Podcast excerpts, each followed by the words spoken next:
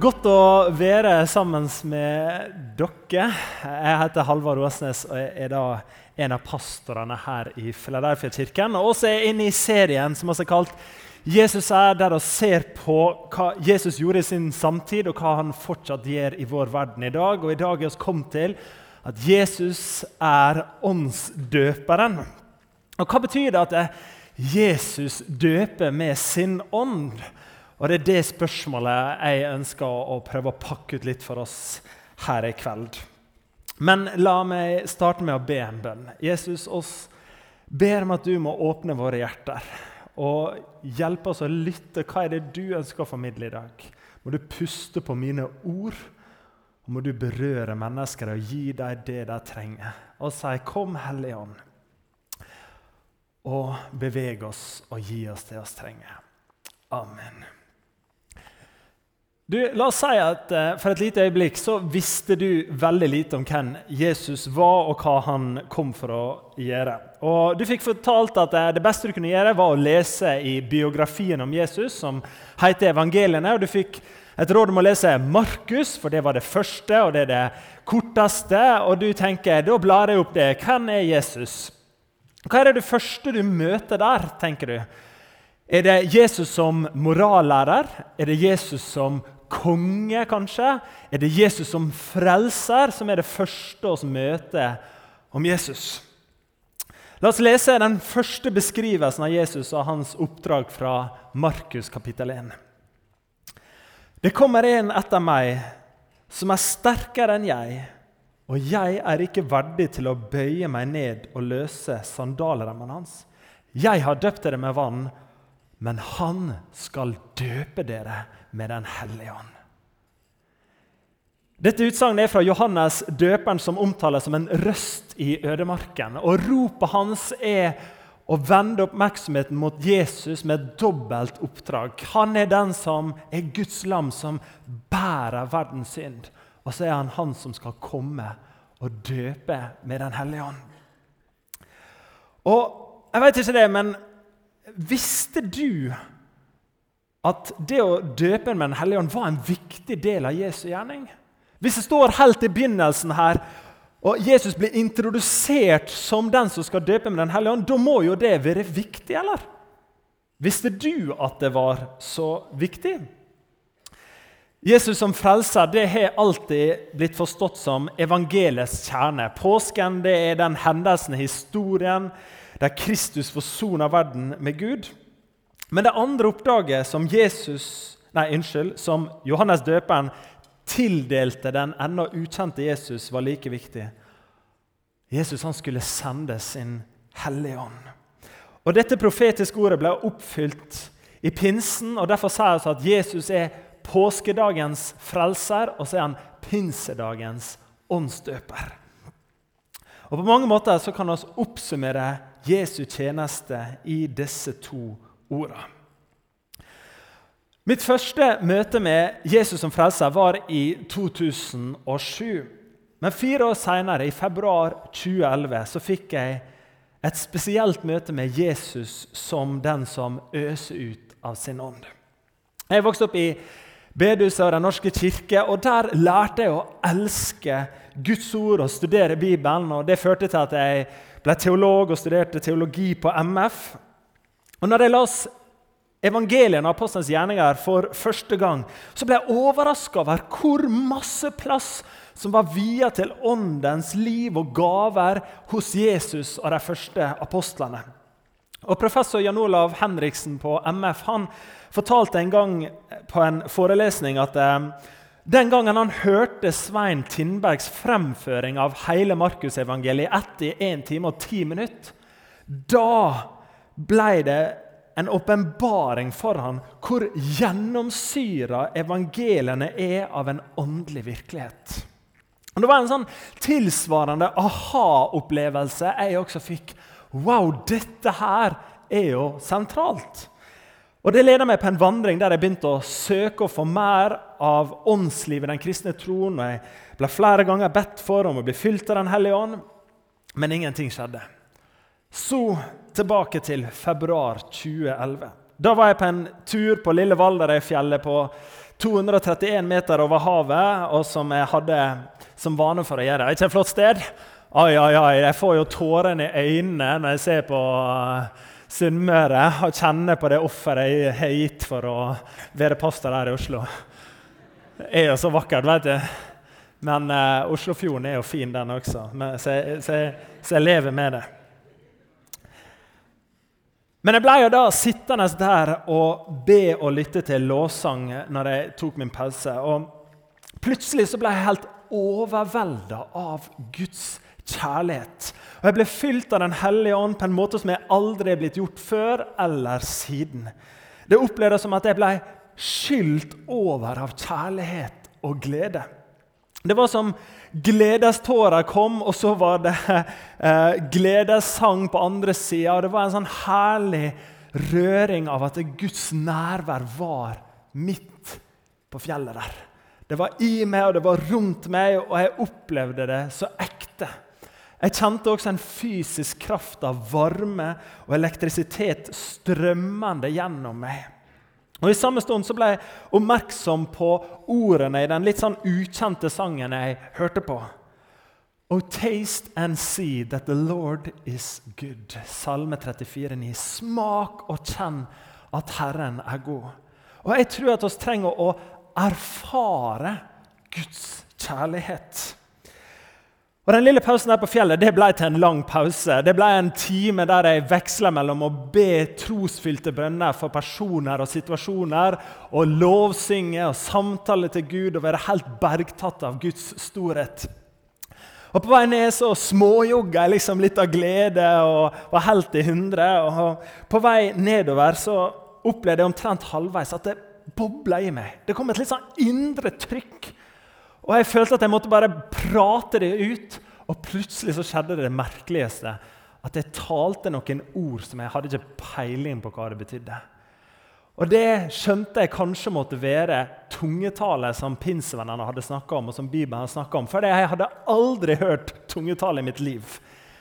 Og Denne merkelige opplevelsen, som er litt mystisk, og som jeg både da og siden har syntes er litt rart, ga en opplevelse av at eh, Gud han var nær på en avslappa måte.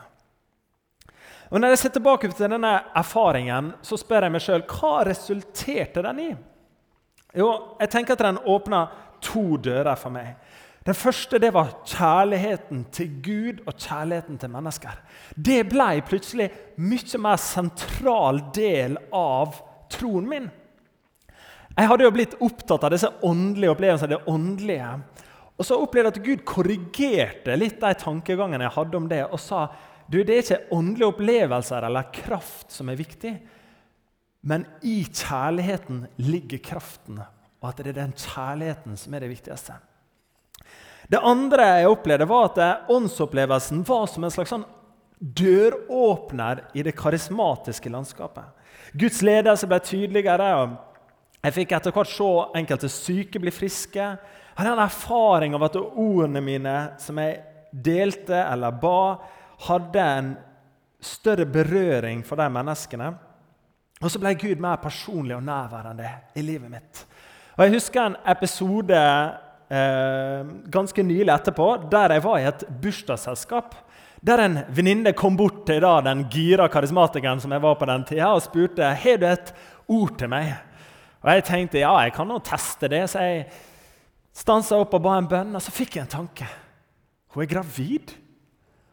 Du, det stemmer ikke, for hun er jo singel og går på bibelskole. Så jeg tenkte, Det var ikke så sannsynlig. Så jeg delte ikke det, for jeg syntes det var litt for kleint å dele det. Men jeg tok motet til meg å dele det på en melding dagen etterpå. Og til min store overraskelse så var hun blitt gravid. Og hun opplevde det som en sånn tydelig opplevelse av Guds omsorg i møte med den usikkerheten hun bar på. Så hvorfor trenger vi å bli fylt av Den hellige ånd? Jo, for det første så er det fordi det fornyer vår kjærlighet til Gud og til mennesker. Paulus han beskriver denne erfaringen i Romerne 5.5, der det står Og håpet skuffer ikke, for Guds kjærlighet er utøst i våre hjerter ved Den hellige ånd som han har gitt oss. Han døper oss med kjærlighet. Han lar det strømme inn i våre hjerter. Og jeg tenker sånn at Tårene er et tegn på at Gud har vært på besøk. At kjærligheten er virkelig det sanne tegnet på at oss er blitt fylt av Den hellige ånd. Det andre er at vi trenger å bli fylt av Den hellige ånd fordi det utruster oss til tjeneste. Slik at vi i større grad kan få oppleve å bli ledet av Gud, og oppleve at Gud i større grad virker både i og gjennom våre liv. Og Det er et løfte Jesus har gitt oss, som vi finner i Apostelens gjerninger 1,8. Der står det men dere skal få kraft når Den hellige ånd kommer over dere. Og dere skal være mine vitner i Jerusalem og hele Judea i Samaria og helt til jordens ende.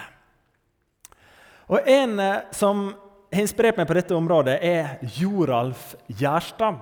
Snåsamannen som gikk bort i sommer. Og Han har vært et viktig forbilde for meg i å leve en varm og naturlig åndelighet.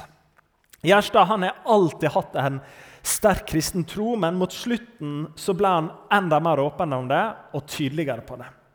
Og Jeg leste nylig hans bok 'Det siste brevet', og det ble tydelig for meg at han er et godt forbilde på at ånden virker i et menneske i å gjøre det mer kjærlighetsfullt på den ene siden, og også utruste det til en hellig tjeneste. Og Hele døgnet når Joraf ikke var på jobb, han levde et vanlig A4-liv, så var døra hos Signe og Joralf åpen. Til tider var det lange køer på tunet, og Signe stilte alltid opp med kaffe og vafler til alle. Og Det å ta betaling for dette her, det kom ikke på tale. Han så på gaven sin som en nådegave fra Gud, og de som tok betaling, møtte knallhard kritikk fra han. Og hvor mange av de 50 000-60 000 som har blitt helbreda Tenk for det, da. Det er ganske mange hjemmebesøk. Som har blitt, helbreda, det er ikke godt å si. Men det som er helt sikkert, det er at han møtte alle med en personlig varme og innlevelse som gjorde godt. Selv når folk sto på, på, i kø på tunet, så møtte han og så hver enkelt med full oppmerksomhet. Og Det ligner jo Ken på mesteren sjøl.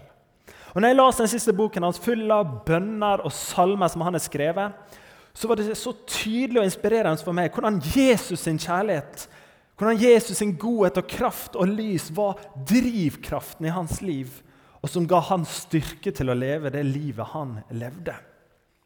Hør et utdrag fra et intervju før hans død i Vårt Land her. Siden jeg lærte om Jesus og den gjerning som var tillagt ham, følte jeg en egen styrke. Jeg ville være sammen med ham i mitt sjeleliv. Han ga meg styrke. Gjennom hele livet har jeg søkt etter hans nærvær og evner. Og Det var i forbindelse med disse bønnene at jeg følte at jeg fikk evner til å helbrede og fikk utviklet synske egenskaper.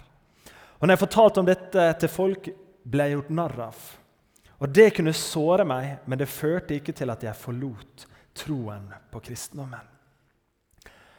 Joralf valgte gjennom hele livet å søke etter Guds nærvær og evner.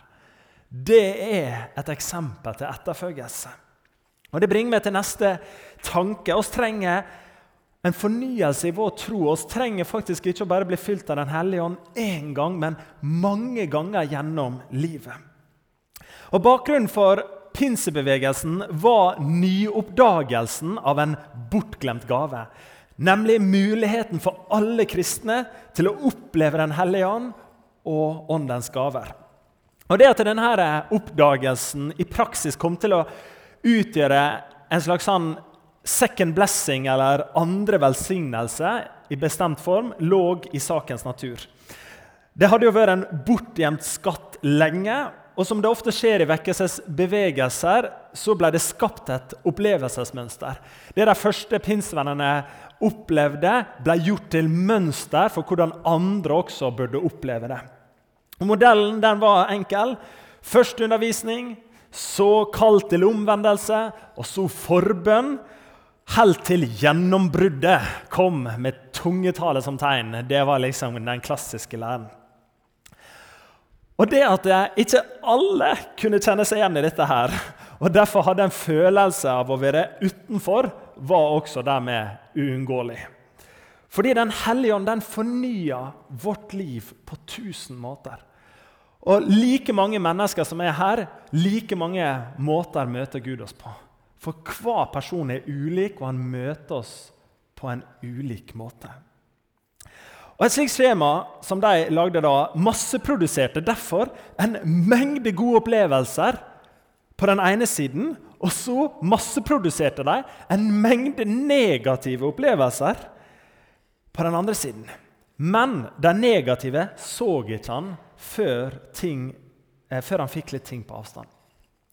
Men da fornyelsen eh, i den økumeniske kirkelandskapet kom fram på 1950-tallet, så opplevde mange av de historiske kirkene med det mener jeg katolikkene og de protestantiske kirkene som anglikanerne, de opplevde det den åndsdåpen pinsevennene snakka om.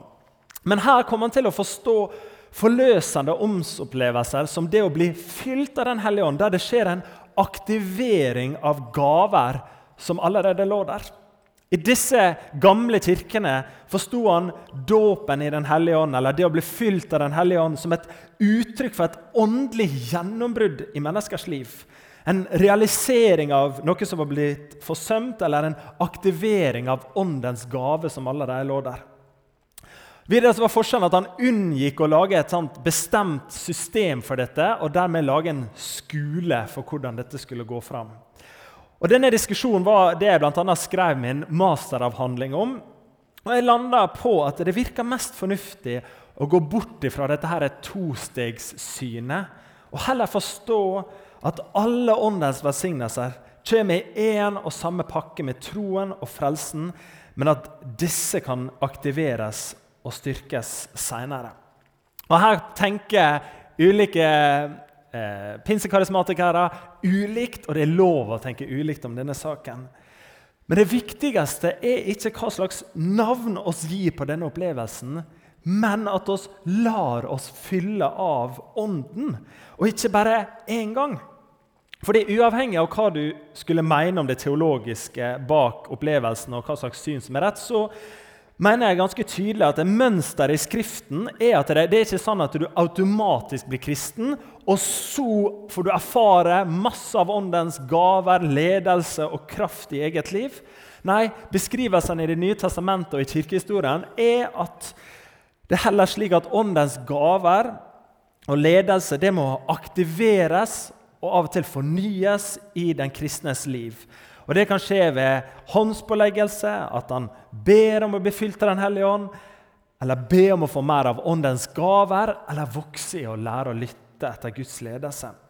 Og Jeg stiller meg derfor på linje i praksis med de første pinsevennene og sier oss trenger å søke Gud i forbønn for å bli fylt av Den hellige ånd, slik at åndens gaver og kraft kan få lov å bli forløst og fornya i vårt liv.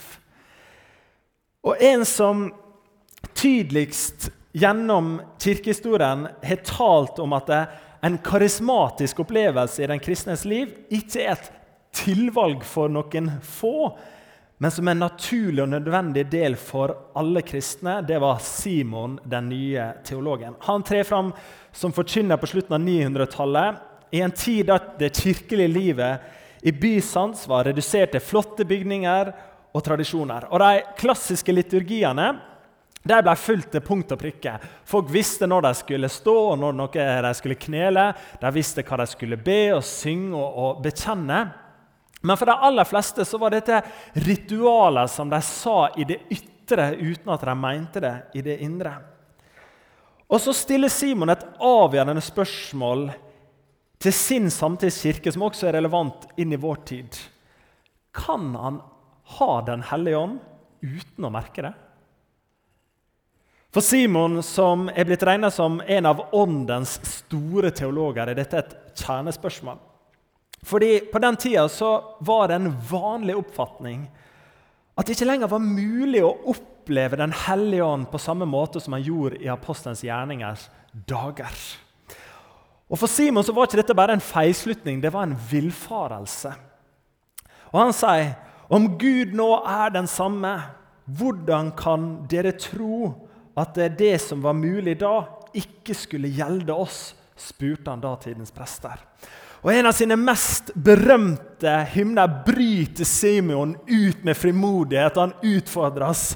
Kom ikke og si at det er umulig å oppfylles av Guds ånd. Kom ikke og si at det er mulig å bli hel uten ham. Kom ikke og si at man kan være fylt av ham uten å merke det.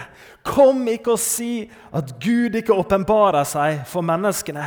Kom ikke og si at menneskene ikke kan se det guddommelige lyset, eller at det skulle være umulig i vår tid. Og Jeg tror Simons utfordring er relevant i vår tid også. Fordi det er alltid en risiko for at vår deltakelse i kirkens liturgi, vår bekjennelse av vår sang og bønner blir ord som oss tar i vår munn uten at oss omfavner det i hjertet. Og Med det så mener jeg at Eh, oss må ikke nødvendigvis føle det riktig hver gudstjeneste og bønnestund. Det hadde blitt litt slitsomt. For det er ikke alltid at vi klarer å tro på de ordene vi synger eller bønner og ber. Så vi kan få lov å være avslappa i at følelseslivet i troen det kan variere. Men vi må lytte til Simons utfordring når vi til slutt slutter å tro på at det nytter å be, eller at det er mulig å erfare Gud. For det er også I kirken i vår tid så kan overbevisningen med at det er ikke lenger mulig å oppleve Den hellige ånd slik som i tidligere tider, eller Bibelens tider, få lov å snike seg inn i vårt hjerte. For i teorien og i hodet så tror jeg de fleste av oss kan bekjenne at oss tror på en Gud som griper inn. Men i hjertet og i praksis så kan troen vår på at Gud kan gripe inn, blitt svekka. Men jeg ønsker med dette budskapet i dag å gjenopplive troen på og motet til å på nytt nærme seg Den hellige ånd. For En ting jeg har lært over tid, er at mange er usikre på hvordan de skal forholde seg til Ånden. Det er mange som bærer på dype erfaringer av skuffelse og frustrasjon. Det er noen som kjenner seg liten i møte med elitekristendom eller noe kravstort. Og andre har med rette også kjent seg krenka av åndelighet, som har hatt tvilsomme metoder og væremåter. Og i frykten for å gjøre feil, da, så kan oss være redde for å trå feil, skuffe mennesker eller gjøre mennesker så ukomfortable at jeg tror at oss som kirke og Kirken i Norge i dag ikke alltid har tatt motet til å prøve på nytt å nærme seg Ånden i vår tid, i vår generasjon, på vår måte. Men i møte med disse negative fortellingene så tror jeg også trenger å løfte fram de positive fortellingene. Som pastor så sitter jeg ofte og hører på manges tros- og livshistorier. og Når jeg snakker med medarbeidere om hvorfor tjeneste er viktig, og hva som har vært en avgjørende del av troen deres, så kommer veldig ofte en fortelling om en gudsopplevelse. På stabsturet så eh, har vi eh, brukt og delt troshistorien vår eh, med forskjellige kollegaer hvert år. Og Det gjentagende mønsteret der er at en tydelig gudsopplevelse, en åndserfaring, var viktig for kallet til tjeneste og i troen. Og at dette her skjedde i en setting der han løfta bevisstheten av Den hellige ånd og la til rette for å kunne bli bedt for. Og som kristnerd så eh, ser jeg Jeg har sett alle programmer til Reisen hjem med Egil Svartdal, der eh, kjente mennesker deler sin tros- og livshistorie. Og En ting du legger merke til der, er at eh, der det finnes en tydelig kristen tro, er der ofte også en tydelig erfaring av Guds omsorg eller kjærlighet. Og Paulus han roper noe til oss. Slukk ikke ånden. Det roper Paulus når han ser at tendensen til åndelig misbruk er på vei til å kjølne ned den åndelige entusiasmen i de nystarta menighetene. Og hans rop om å ikke slukke ånden den lyder gjennom historien til alle kristne og til alle kirker. Fordi når lydhørheten for ånden svikter, og slukna, da mister også Kirken sin kraft. Og Jeg tror at det er viktig i vår tid å løfte opp avhengigheten av Den hellige ånd for å leve i etterfølgelse av Jesus. For Hvis ikke så blir kristenlivet et strev som vi må få til i egen kraft. Og det blir halvveis. Videre så blir det fort lovisk. Fordi oss får bare masse gode råd som oss sjøl må følge for å lykkes, framfor et evangelium at Gud sjøl ønsker å forandre ditt hjerte og forvandle deg ved sin ånd. Og oss har fått løfter av Gud om at han skal gjøre et verk i deg. Han skal døpe, seg, døpe deg med sin ånd. Han skal forvandle ditt hjerte. Han skal utruste deg til sitt oppdrag. Og Et vakkert løftet bilde på dette finner vi i Jesaja 44, vers 3. Der står det Jeg øser vann på den tørstende jord og lar bekkene risle over det tørre. Min ånd vil jeg utøse over din ett, min velsignelse over din etterslekt. De skal vokse opp som siv mellom vann, som popler ved bekkefar. Og På bildet her så ser vi Israel der det er tydelig tørketid og en tydelig regntid. Og I tørketiden så kan det virke som at det, det fins ingen potensial til liv igjen i den tørre jorden. Men i jorden så lurer det seg liv. For i jorden så ligger det frø av liv som er klar til å spire fram. Frøene de bare venter på regnet. Og Her ser dere et før- og et etterbilde av et slikt sted i ødemarken. Og Noen ganger folkens, hvis vi skal være ærlige, så kan kristenlivet føles ut som en ødemark. Men da kan vi gripe løftet at vi allerede har fått Den hellige ånd, og at alle Guds velsignelser ligger åpent for oss. Vi trenger bare på nytt å åpne oss opp for Gud og be om at Han skal fylle oss igjen med sin ånd og fornye det kallet og de gavene som allerede ligger der. Og Det sier Paulus til sin bror Timotius, som han ser her. Derfor vil jeg minne deg om dette. La Guds nådegave i deg flamme opp igjen på nytt, den du fikk da jeg la hendene på deg. Det ligger et potensial i livet ditt. Den hellige ånd ønsker å gjøre noe i ditt liv. Han ønsker å flamme opp igjen den kjærligheten, den brannen, de evnene, det kallet, de gavene. Og Det bringer meg til mitt siste anliggende. Hvordan kan vi da åpne oss opp for Den hellige ånd og la oss bli fylt og utrusta av Han? Jo, da vil jeg peke kort på fire praktiske ting. Og Det første er behovet for kunnskap. Når det gjelder Åndens gaver, søsken, vil jeg at dere skal ha kunnskap om dem, skriver Paulus. Det er slik at Det han ikke vet at han er blitt gitt, kan han heller ikke ta imot. Og Der er et forhold i den kristne troen mellom kunnskap og tro og mottakelse av Guds gaver. Paulus han spør i romerbrevet hvordan kan de tro på en som de ikke har hørt om? Det var dette som hadde vært tilfellet hos noen søkende disipler i Efesus som ikke hadde fått Åndens gaver. De hadde ikke fått full kunnskap om alt som hadde den kristne troen. Og så sier de, og så er jo ikke engang hørt at det fins noen hellig ånd, står det i Apostelens gjerninger kapittel 19. Og Der åpner de seg for en undervisning, og så ber Paulus for dem, og så blir de fylt av Den hellige ånd. Og Det å åpne seg opp det begynner med å først forstå hva slags gaver Gud ønsker å gi. Og deretter våge å ha en forventning og en tillit til at Gud gir åndens gave når oss ber om det, i sin timing og på sin måte. Og Det er det, første jeg prøvde gjort her i dag. Jeg prøvde å gi undervisning at det er mer for alle oss kristne å oppdage og få tak i av Guds kjærlighet, Guds ledelse og Guds kraft. Det andre er håndspåleggelse. Vi leser etter å ha hørt dette lot de seg døpe til Herren Jesu navn. og Dette her er disiplene da i Efesus.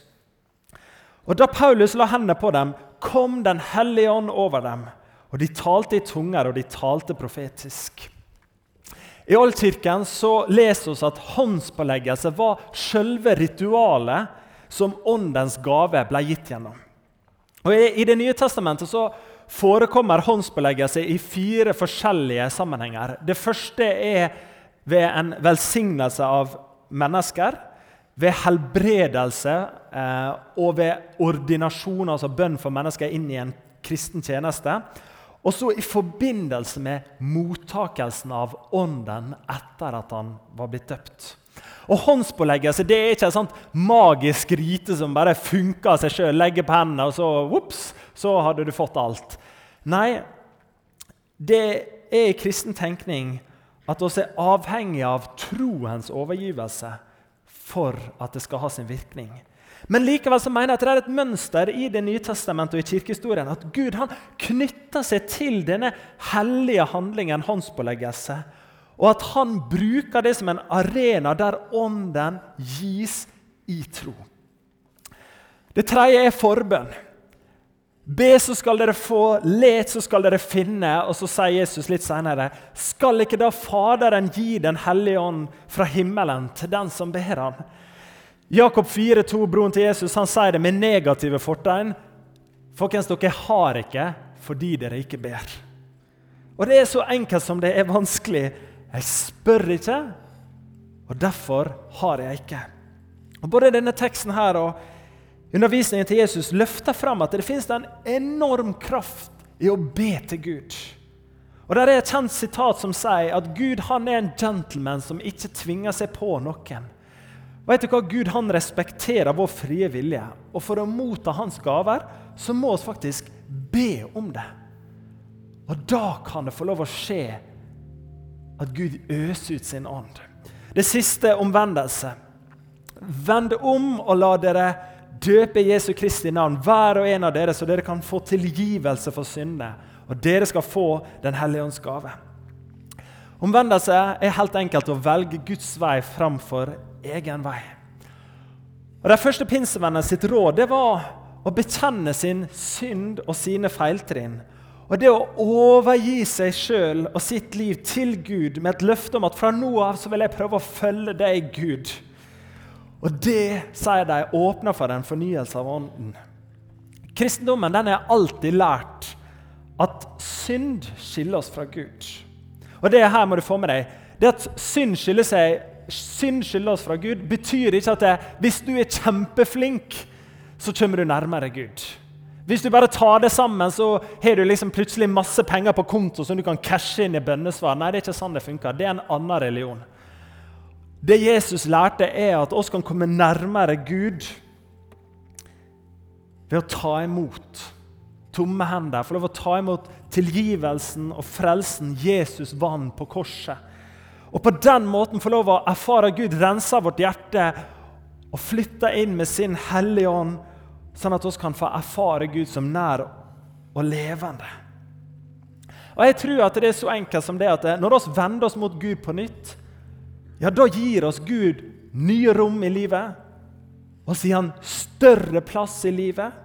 Og når vi gjør det, så kan Gud på en ny og større måte fylle oss med sin kjærlighet og kraft. Men det begynner med at vi tør å tro på det. At vi faktisk går til forbønn, at noen legger hendene på oss, og at vi hviler at Gud har lova å sende sin ånd. At vi ber om det i hjertet, og at vi ønsker å følge Jesus. fordi når vi overgir vårt liv til Han, så kan Han få tillatelse til å utruste oss til å følge Han. La oss reise oss og be.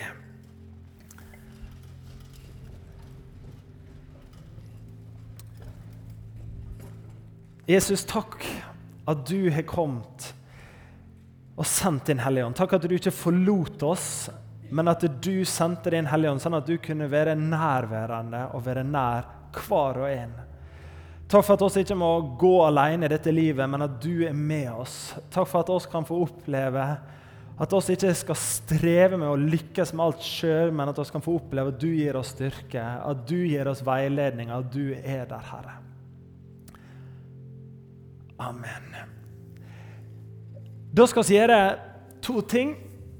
Det er mulighet til å benytte seg av stasjonene her til høyre og venstre. Der finner dere lysglober, så du kan tenne et lys. Du kan skrive bønnelapper. Og så er det forbønn av mennesker som ønsker å møte deg. Og så hadde jeg lyst til å gjøre to ting til. Det ene var å rett og slett utfordre og invitere til å komme til å bli lagt hendene på for å bli fylt av Den hellige ånd. Og så spurt mennesker som vil være på høyre side her, eh, om å be en enkel bønn. Så enkel som Jeg ber om å bli fylt av Den hellige ånd. Må du utruste til tjeneste og fylle med din kjærlighet.